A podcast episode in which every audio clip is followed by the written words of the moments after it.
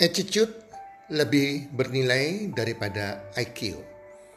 Hai para pendengar podcast, apa kabar?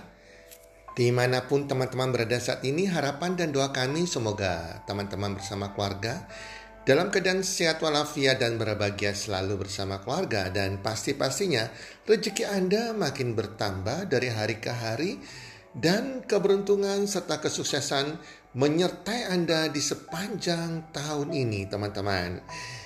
Teman-teman,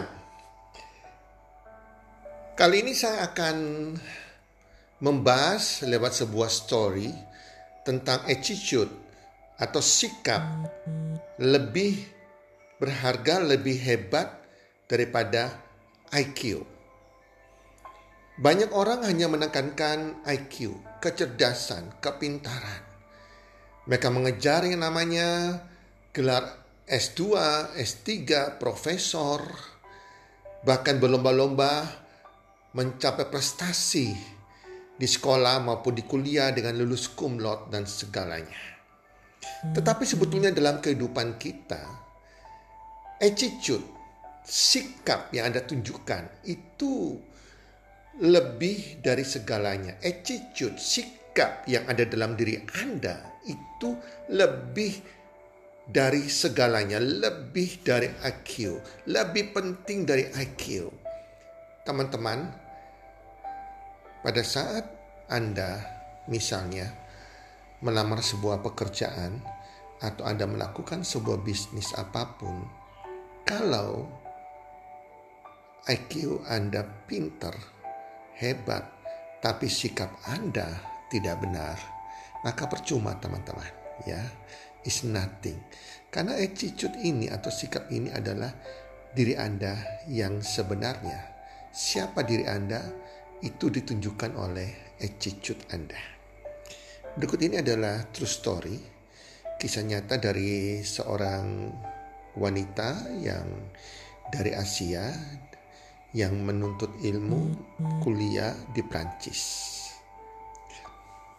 Teman-teman, kalau kita perhatikan bahwa sistem transportasi di Prancis ataupun di negara-negara Eropa itu menggunakan sistem otomatis. Artinya, Anda beli tiket sesuai dengan tujuan Anda melalui mesin. Setiap perhentian kendaraan umum pakai cara self service dan jarang sekali diperiksa diperiksa petugas. Bahkan pemeriksa insidentil oleh petugas pun hampir tidak ada. Jadi semuanya berdasarkan kejujuran. Anda beli tiket lewat mesin, Anda masuk ke transportasi umum misalnya bis ya.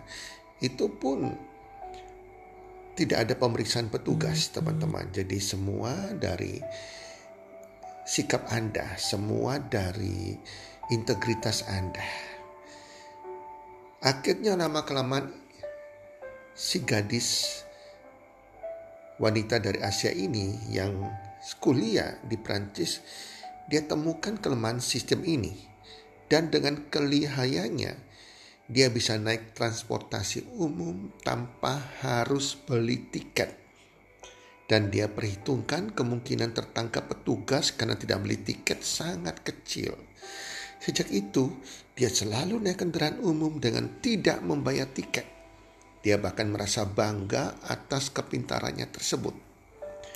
Dia berpendapat bahwa dalam hatinya bahwa karena dia anggap dirinya adalah murid miskin dan kalau bisa irit ya irit. Namun dia tidak sadar bahwa dia sedang melakukan kesalahan fatal yang akan mempengaruhi karirnya kelak. Empat tahun berlalu, Si gadis Asia tersebut tamat dari fakultas universitas yang ternama di Prancis dengan angka yang sangat bagus, hampir mendekati cum. Hal ini membuat dirinya penuh percaya diri, lalu dia mulai mengajukan aplikasi kerja di beberapa perusahaan ternama di Paris dengan pengharapan besar agar diterima bekerja. Pada mulanya semua perusahaan tersebut menyambut dia dengan antusias karena nilainya yang sangat luar biasa, karena IQ-nya yang sangat luar biasa. Namun beberapa sehari kemudian semuanya menolak dengan berbagai alasan. Hal ini terus terjadi berulang kali hingga membuat dia merasa tidak terima dan sangat marah karena beberapa temannya yang nilainya pas-pasan, nilainya di bawah dia bisa keterima masuk di perusahaan-perusahaan ternama di Paris. Bahkan dia mulai menganggap perusahaan-perusahaan ini rasis, di mana tidak mau menerima warga negara asing. Penasaran sekali dia memaksa masuk ke Departemen Tenaga Kerja untuk bertemu dengan manajernya. Dia sangat ingin tahu alasan apa perusahaan-perusahaan tersebut menolaknya. Ternyata penjelasan yang dia dapat di luar perkiraannya. Berikut ini adalah uh, dialog antara Departemen Tenaga Kerja tersebut dengan gadis Asia tersebut. Nah, Nona kami tidak rasis, sebaliknya kami sangat mementingkan Anda. Pada saat Anda mengajukan aplikasi pekerjaan di perusahaan, kami sangat terkesan dengan nilai akademis dan pencapaian Anda. Sesungguhnya, berdasarkan kemampuan, Anda tergolong pekerja yang kami cari-cari. Kemudian wanita Asia itu menjawab, jika begitu, kenapa perusahaan-perusahaan tersebut tidak menerima saya bekerja? Manajer Departemen Tenaga Kerjaan menjawab, jadi begini, setelah kami memeriksa di database, kami menemukan data bahwa Nona pernah tiga kali kena sanksi tidak membayar tiket saat naik kendaraan umum. Si wanita Asia tersebut kaget. Ya, saya mengakui memang saya tiga kali ketangkap, tapi itu kan akhirnya saya akan bayar juga.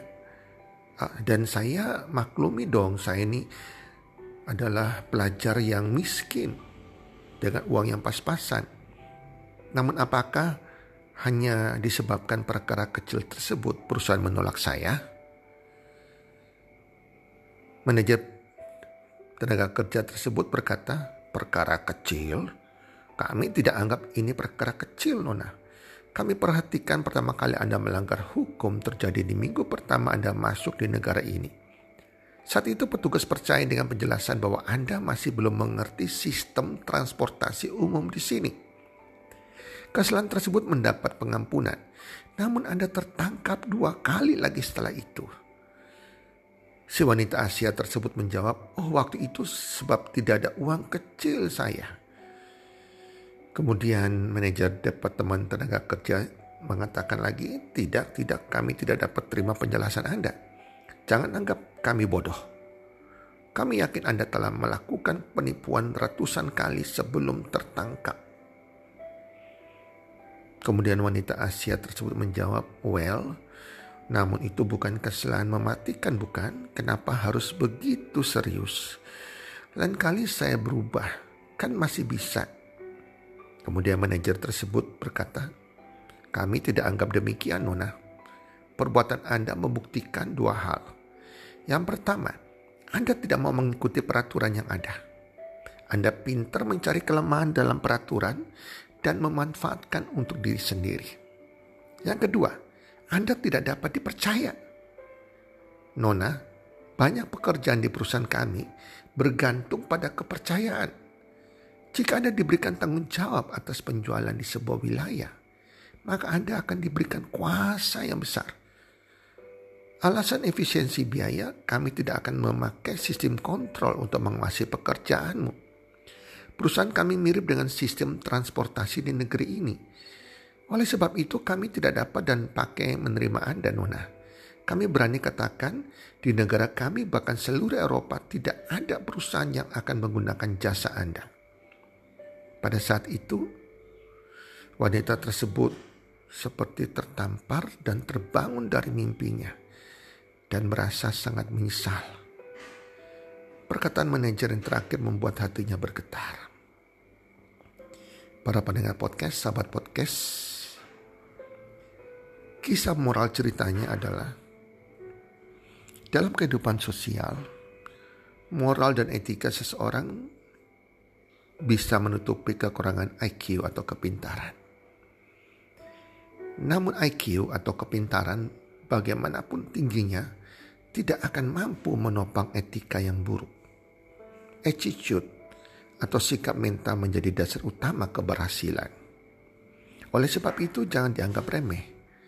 Attitude diibaratkan seperti berkendaraan dengan ban kempes. Di mana pun keberadaan, baik di lingkungan sosial maupun di lingkungan pekerjaan, attitude seseorang akan dengan mudah dirasakan oleh sesama dan orang-orang di sekeliling lingkungan yang akan memberikan reaksi yang sama terhadap attitude. Oleh sebab itu, teman-teman, jagalah selalu attitude kita di mana pun kita berada. Karena attitude ini akan mempengaruhi keberhasilan karir kita, keberhasilan bisnis kita, bahkan di dalam semua bidang sosial maupun pekerjaan. Para pendengar podcast, semoga podcast kali ini bisa memberikan berkat bagi Anda, bagi kita semua, sehingga kita sungguh-sungguh menjaga attitude kita. Karena itu adalah salah satu kunci sukses yang terpenting dalam karir kita, dalam pekerjaan kita, dalam bisnis kita. Salam sukses, one, two, three.